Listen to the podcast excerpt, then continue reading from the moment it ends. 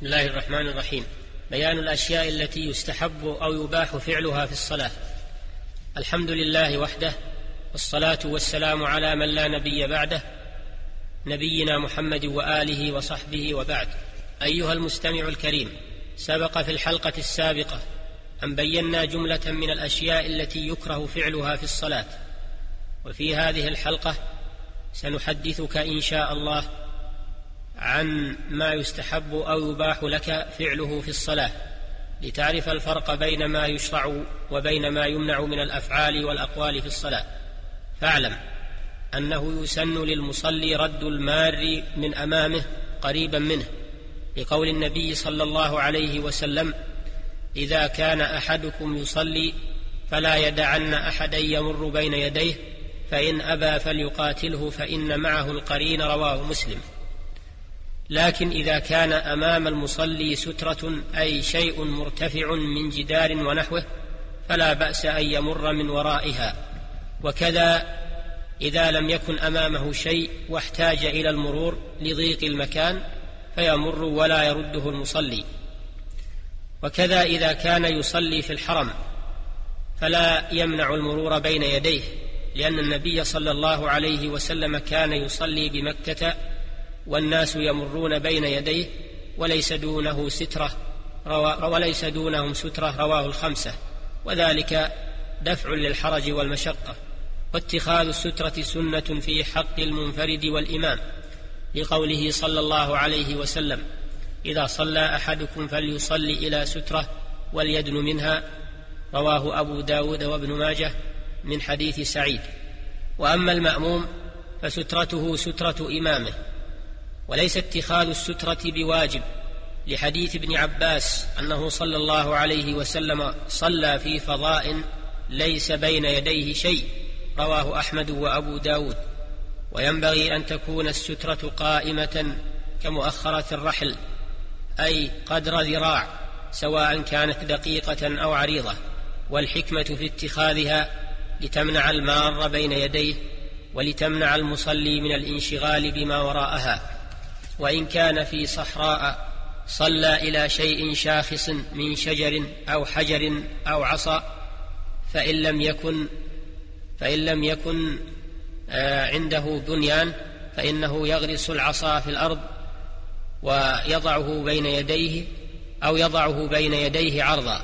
وإذا التبست القراءة على الإمام فللمأموم أن يسمعه القراءة الصحيحة ويفتح عليه. ويباح للمصلي لبس الثوب ويباح للمصلي لبس الثوب ونحوه وحمل شيء ووضعه وفتح الباب وله قتل حية وعقرب لأنه صلى الله عليه وسلم أمر بقتل الأسودين في الصلاة الحية والعقرب رواه أبو داود والترمذي وصححه. لكن لا ينبغي له أن يكثر من الأفعال المباحة في الصلاة إلا لضرورة فإن أكثر منها من غير ضرورة وكانت متوالية أبطلت الصلاة لأن ذلك مما ينافي الصلاة ويشغل عنها. وإذا عرض للمصلي أمر كاستئذان عليه أو سهو إمامه أو خاف على إنسان الوقوع في هلكة فله التنبيه على ذلك بأن يسبح الرجل وتصفق المرأة لقوله صلى الله عليه وسلم إذا نابكم شيء في صلاتكم فلتسبح الرجال ولتصفق النساء متفق عليه ولا يكره السلام على المصلي إذا كان يعرف كيف يرد.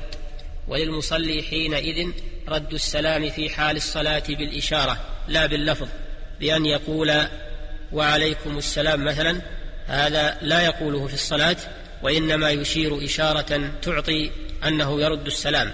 فإن رده باللفظ بطلت به الصلاة.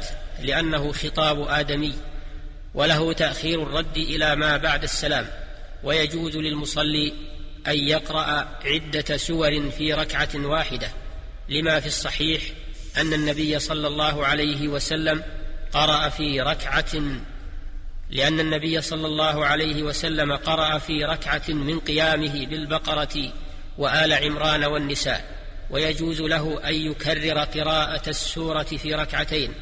وأن يقسم السورة الواحدة بين ركعتين ويجوز له قراءة أواخر السور وأوساطها لما روى أحمد ومسلم عن ابن عباس أن النبي صلى الله عليه وسلم كان يقرأ في الركعة الأولى من ركعتي الفجر قوله تعالى قولوا آمنا بالله وما أنزل إلينا الآية ويقرأ في الركعة الثانية ويقرأ في الركعة الثانية في آل عمران قل يا أهل الكتاب تعالوا إلى كلمة سواء بيننا وبينكم الآية ولعموم قوله تعالى فاقرأوا ما تيسر منه لكن لا ينبغي له لكن لا ينبغي اعتياد قراءة أوساط السور وأواخر السور إلا في بعض الأحيان ولا ينبغي له الإكثار من ذلك بل يفعله أحيانا.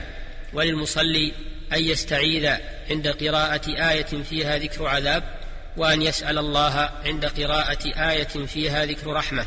وله أن يصلي على النبي صلى الله عليه وسلم عند قراءة ذكره لتأكد الصلاة عليه صلى الله عليه وسلم عند ذكره.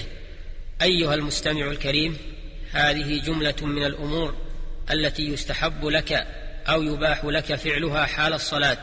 عرضناها على مسمعك رجاء أن تستفيد منها وتعمل بموجبها حتى تكون على بصيرة من دينك.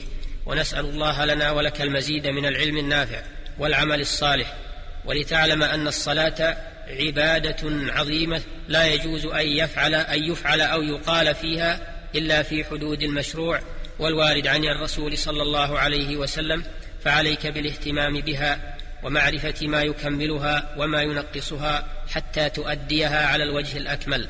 وإلى الحلقة القادمة إن شاء الله. لنواصل معك بقية الحديث عن أحكام الصلاة. والحمد لله رب العالمين.